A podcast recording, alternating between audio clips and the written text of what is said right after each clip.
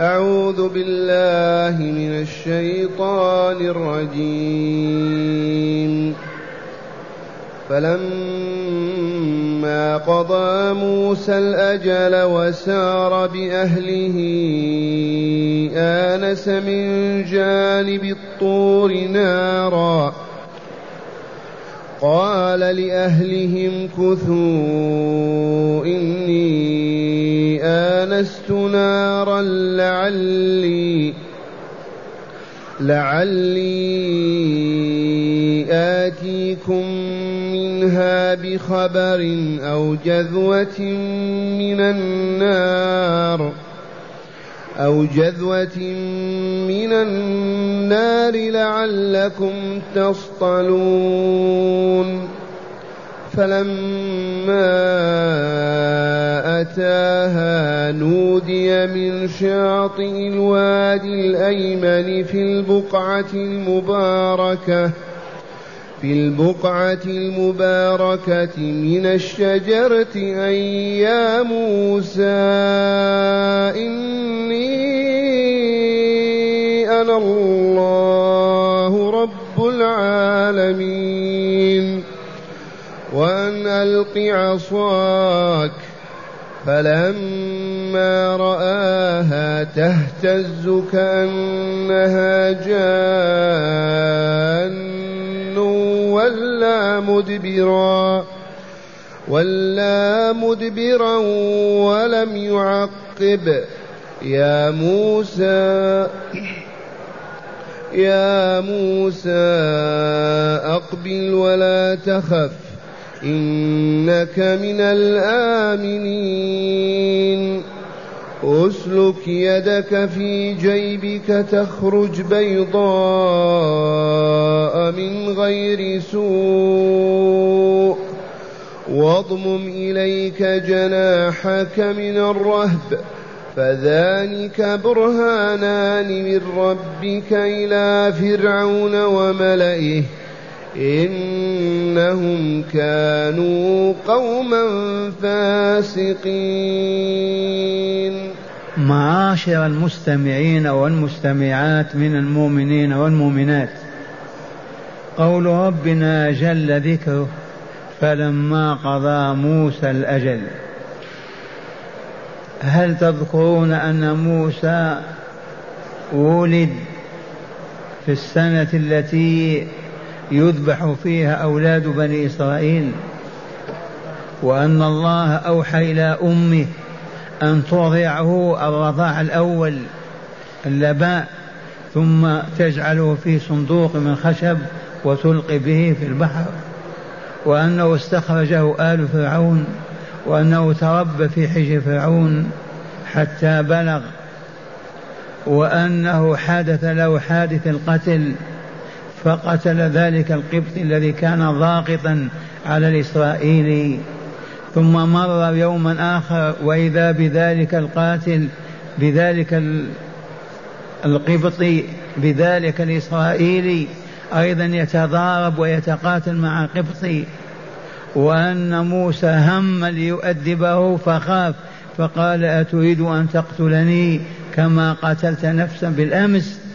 ومن ثم القبطي نقل الخبر إلى القصر وعلم أهل القصر أن موسى هو القاتل لذلك القبط الماضي. ومن ثم أرسلوا رجالهم يبحثون عنه. ومن ثم جاء مؤمن آل فرعون يخبر بموسى بأن القوم يطلبونه للقتل مقابل قتله. فأرشده إلى أن يخرج من البلاد فخرج موسى من أرض فرعون ودخل أرض مدين. وحدثت حادثة عظيمة وهي حادث سقي بنتي شعيب وجاء بعد ذلك وأكرمه شعيب وأنزله إلى جنبه وزوجه إحدى ابنتيه وعاش معه يتلقى العلم والمعرفة والآداب عشر سنوات. والآن فلما قضى سار بأهله إلى مصر. فلما قضى موسى الأجل والأجل أنه عشر سنوات. الأجل ثمانية أو أو عشر. لكن الذي تم وأخبر به جبريل للرسول صلى الله عليه وسلم أنه عشر سنوات. ويروى أن نصرانيا جاء إلى أحد التابعين. وقال ما تقول في المدة التي قضاها موسى يرعى الغنم؟ قال عندي من أسأل عندي بحر هذه الأمة. فجاء إلى عبد الله بن مسعود عبد الله بن عباس فأخبره أنه عشر سنوات. فقال النصراني والله إنه لعالم هذا الذي أخبر فمن هنا المدة التي قضاها موسى في حجر شعيب وإن كان في الظهر يرعى الغنم ولكنه في الباطن ليتعلم ويتربى ليتأهل لحمل الرسالة الدعوية. فلما قضى موسى الأجل وسار بأهله والمراد من أهله زوجته وولده ولد له ولد. زوجته وولده هم الأهل. أهل الرجل من هم امرأته وأولاده. وسار بأهله في طريقه إلى الديار المصرية. ما جاء منها هو جاء منها. لكن لولا أن الله هداه للطريق ما كان يصل يضيع. ما في طرق معبدة أو مسهلة. إذا فلما قضى موسى الأجل وسار بأهله آنس من جانب الطور جبل الطور آنس من جانبه نارا وهي نور فظنها نار وكانوا في الشتاء والليلة باردة وما عندهم نار. وهم في حاجة إلى الاستدفاء أو حتى إلى الطبخ والطعام. فلما آنس من جانب الطور نارا قال لأهله امكثوا زوجته وأولاده امكثوا هنا إني آنست أي أبصرت نارا لعلي آتيكم منها بخبر أو جذوة من النار. لعلكم تصطلون. لعلي آتيكم منها بخبر إذ قد أجد حول النار رجالا يخبروننا عن الطريق ويدلون عليها. أليس كذلك؟ ما فإن لم أجد رجالا أجد النار آتيكم بجذاذة من نار خشب في رأسها نار تستدفئون به.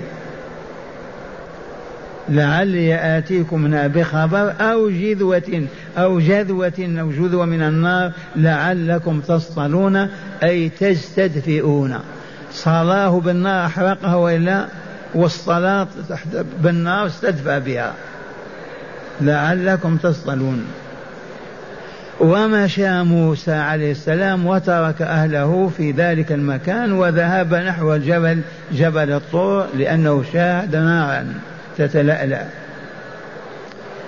قال فلما أتاها أي النار التي شاهدها وهي نور على شجرة أي من العليق أو من الصمر أو شجرة أخرى اختلفوا في نوع الشجرة.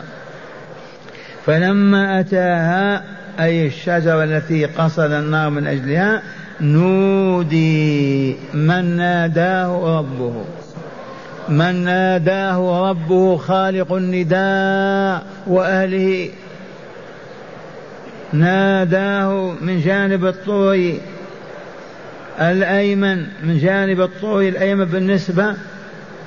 نعم. فلما أتى نودي من شاطئ الوادي الأيمن الأيمن بالنسبة إلى موسى عن يمينه.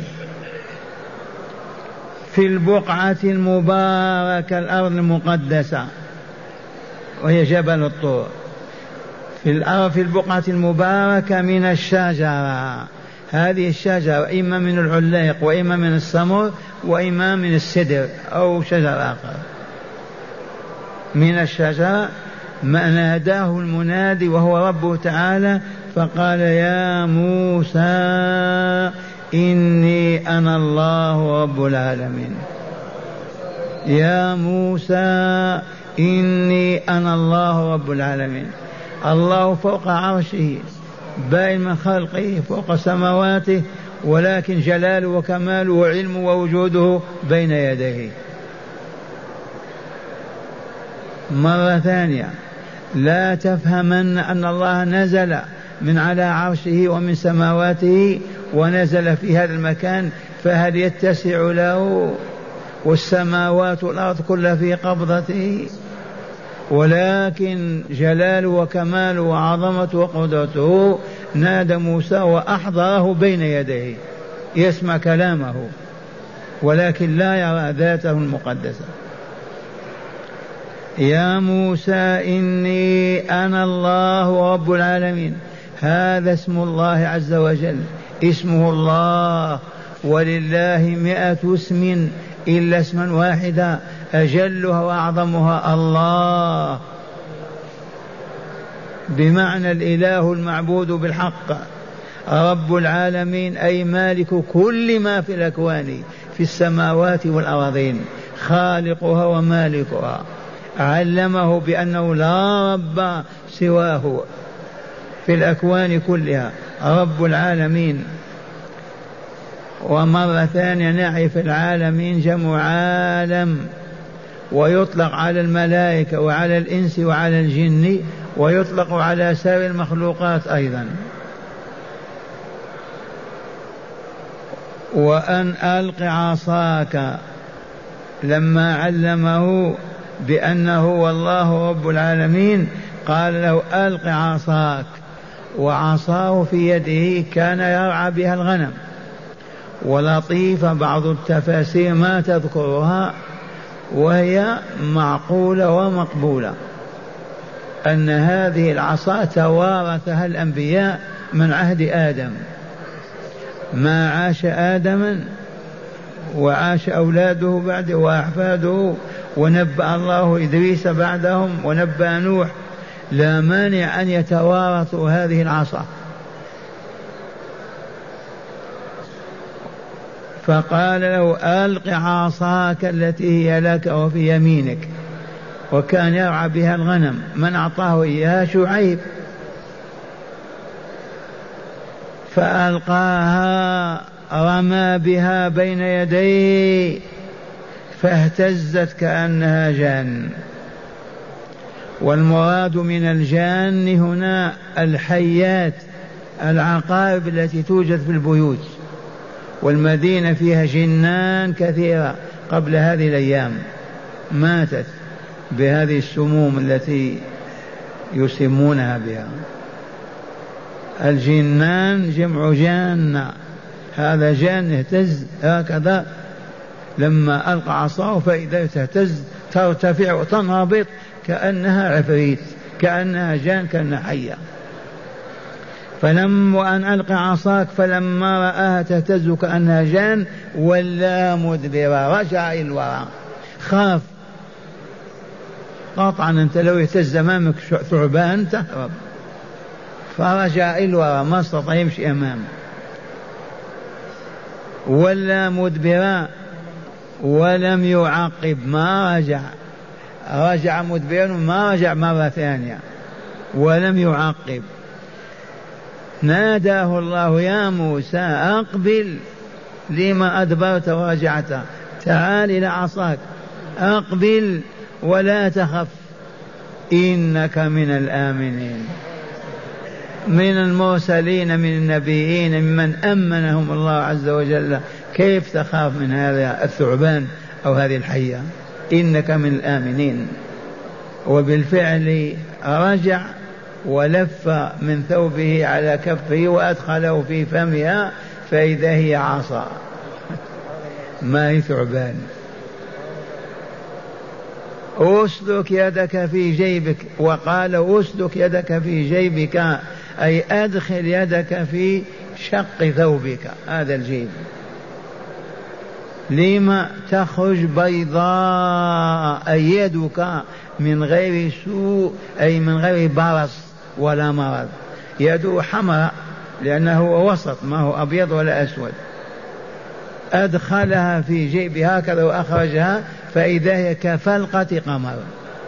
فالعصا آية سوف يستخدمها ضد فرعون وملئه واليد عص واليد أيضا آية ثانية يخرجها ويبرزها كأنها فلقة قمر يدلان على أنه رسول الله إلى موسى إلى فرعون وملئه وأن على فرعون أن يتوب إلى الله ويدخل في الإسلام.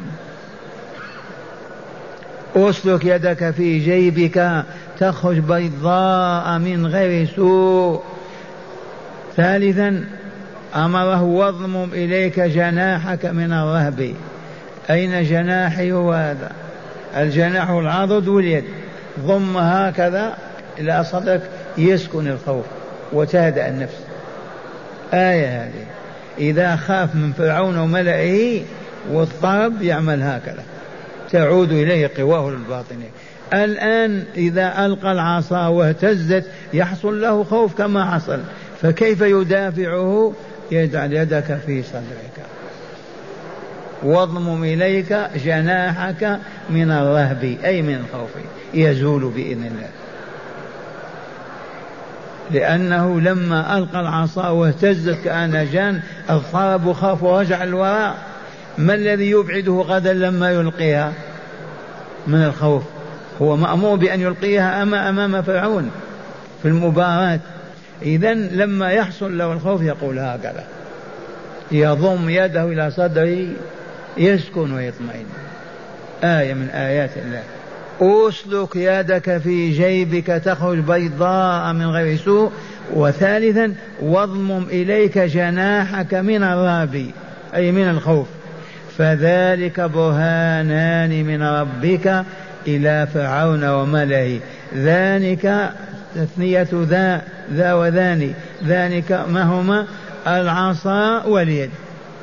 برهانان آيتان معجزتان تدلان على أن موسى رسول الله ولا أنه نبي الله وأن ما جاء به هو الحق من عند الله.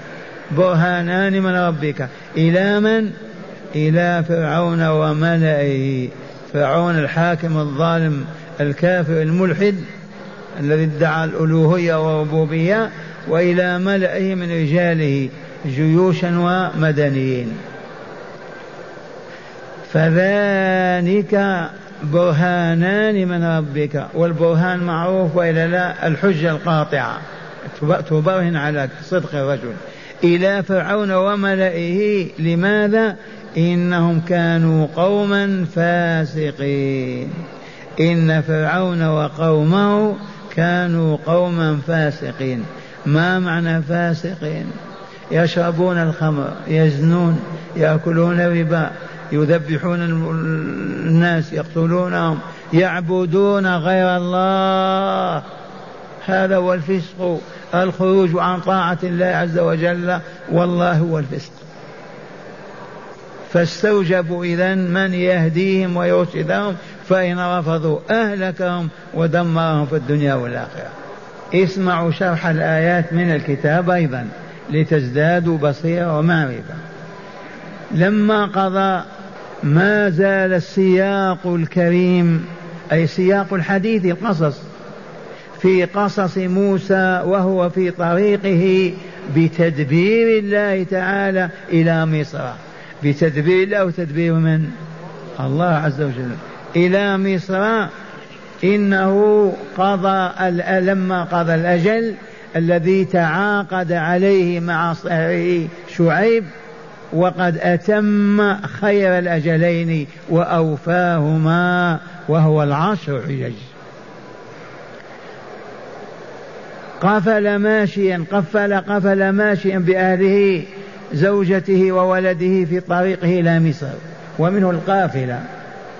قافل بمعنى مشى خرج لزيارة والدته وإخوة وإخوته. مصر بها أمه وبها إخوته.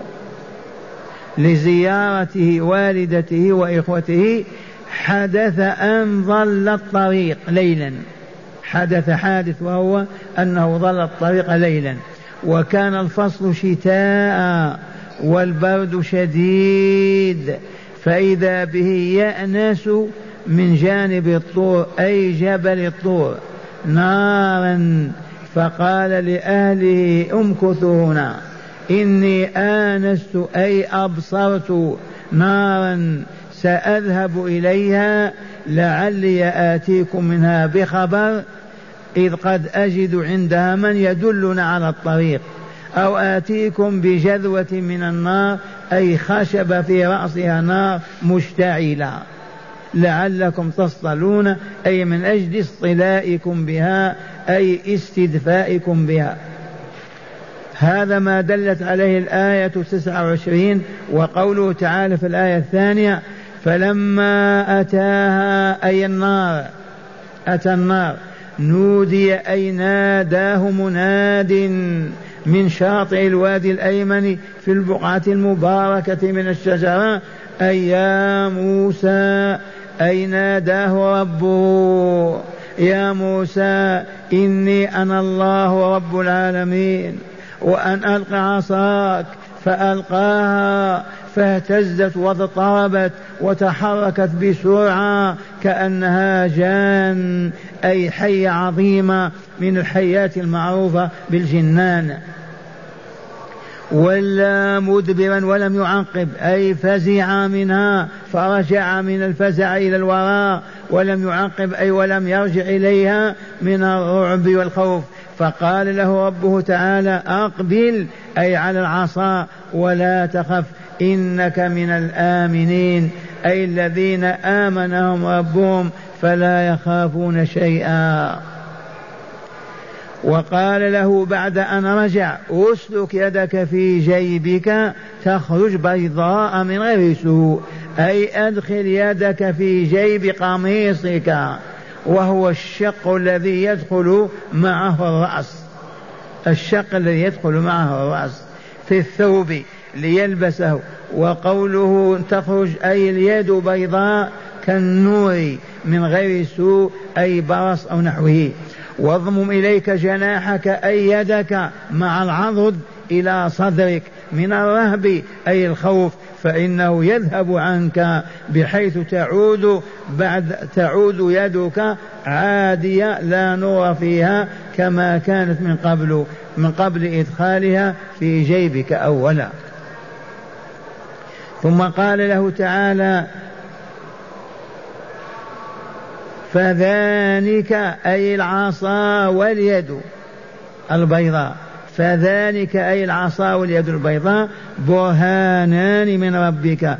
أي آيتان تدلان على رسالتك المرسل بها إلى فرعون وملئه إنهم كانوا قوما فاسقين خارجين عن طاعة الله حيث كفروا به وعبدوا غيره وظلموا عباده لتدعوهم إلى الإيمان بالله أولا وعبادته وإرسال بني إسرائيل معك لتذهب بهم إلى أرض المعاد أي فلسطين وما حولها من أرض الشام. إن شاء الله واضح كلام الله.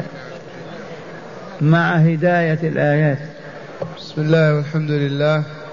من هداية الآيات أولا الأنبياء أوفياء فموسى قضى أوفى الأجلين وأتمهما وهو العشر. قال من هداية الآيات أولا الأنبياء أوفياء. إي والله الأنبياء يوفون ويخونون. حاشاهم موسى يتهيأ للرسالة والنبوة وتربى في حجر فرعون. لا تربى في حجر شعيب. هذه اللطيفة بيناها أمس ولا لا؟ فرعون تأدب معاه ماذا يعرف؟ فأخذه الله وبعث به إلى شعيب ليبقى عشر سنوات حتى تكمل آدابه ومعارفه. بعد ذلك نبأه. فالأنبياء يوفون وإلا لا وأولياء الله والله لا يوفون. فالمؤمنون المتقون لا يخونون ولا ينكثون عهدا ولا يقضون بعقد أبدا إلى يوم الدين. نعم. ثانيا مشروعية السفر بالأهل وقد يحصل للمرء أنه يضل الطريق أو يحتاج إلى شيء ويصبر. في الآية دليل على جواز السفر بالأهل. على جواز السفر بالأهل يسافر الرجل بأمه بأخته بامرأته. أما أن يسافر بغير محرم فلا يحل. والآن بعض الهابطين يسافرون من المدينة إلى تبوك بمرأة ليست محرم له. لا يحل هذا أبدا ولا يجوز. نعم يجوز السفر بالمحرم. هذا موسى سافر بامرأته وإلا لا؟ من أرض مدين إلى أرض مصر. يجوز السفر بالمحارم بالنساء ولا خلاف في ذلك. لكن لا بد وأن يكون مع المرأة محرم لها. كالزوج والابن والأخ. ولطيفة فقهية قررناها واستجبنا لها وقبلناها. الإمام مالك رحمه الله يقول إذا كانت المرأة ما حجت الفريضة ما حجت الفريضة ووجدت جماعة من النساء معهم ولي ودخلت بينهن لها أن تؤدي فريضة الله عز وجل. أما إذا كانت أدت الفريضة لا يحل لها أن تعتمر أو تحج مرة ثانية إلا مع محرم لها. فهمتم هذه؟ هاته ثالثا فضل تلك البقعة التي كلم الله تعالى فيها موسى عليه السلام وهي من جبل الطور. فضل تلك البقعة أرض مقدسة وإلى جبل الطور الجبل المبارك. كيف لا يكون مقدسا؟ والله كلم فيه موسى وناداه وناجاه وأمره ونهاه. نعم.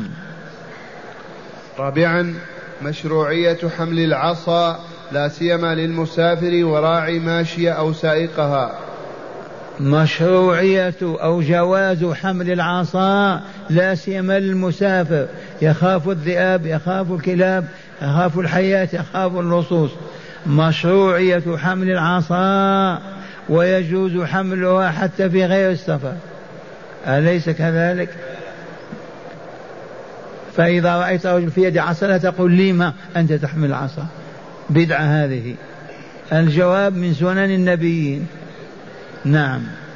جزاكم الله خيرا. خامسا مشروعية التدريب على السلاح قبل استعماله. هذه التي عليها العالم بأسره. لا بد من تدريب المقاتلين على أنواع السلاح سواء كانت طائرات أو دبابات.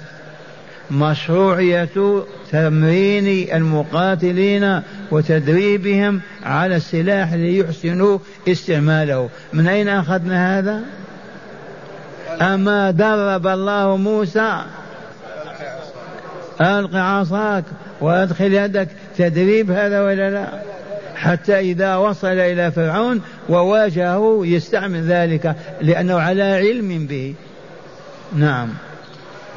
سادسا لا يلام على الخوف الطبيعي. نعم لا يلام المؤمن على الخوف الطبيعي. كونك خفت من عقرب نفضتها أو حية أو لص ما في هذا ما يقال هذا يتنافى مع إيمانك وعقيدتك. هذا خوف طبيعي ما يضر ما يقدح في العقيدة. نعم. موسى خاف ولا لا؟ إيه خاف. سابعا آية العصا واليد. آية العصا تعرفون الآية معناها؟ العلامة الدالة على الشيء ما الذي يدل على وجود الله؟ آياته في الأرض والكون. السماء والأرض والشمس والقمر. الآية العلامة. ما الدليل على أن محمد رسول الله؟ ما آية ذلك؟ ما هو؟ اذكر معجزاته. كتاب الله عز وجل أوحاه إليه. نعم. ثامنا. من خاف وضع يده على صدره زال خوفه إن شاء الله تعالى. هذه لطيفة استعملوها من الآن. إذا خفت من شيء ضع يدك على صدرك اقتداء بموسى وإرشاد الله يذهب إن شاء الله خوفك. جربوها. ما يقول ما عندنا شيء. موسى وقال شيء؟ ما. قالوا فقط قال يدك على صدرك. فقال أهل العلم من خاف من المؤمنين شيئا خوف طبيعي يضع يده على صدره إن شاء الله يدفع الله عنه ذلك المخوف. أو ما يجوز. يجوز. حتى يتشد يشد قلبه. اي نعم. يتشجع. نعم. التنديد بالفسق وأهله. التنديد التنديد بالفسق وأهله.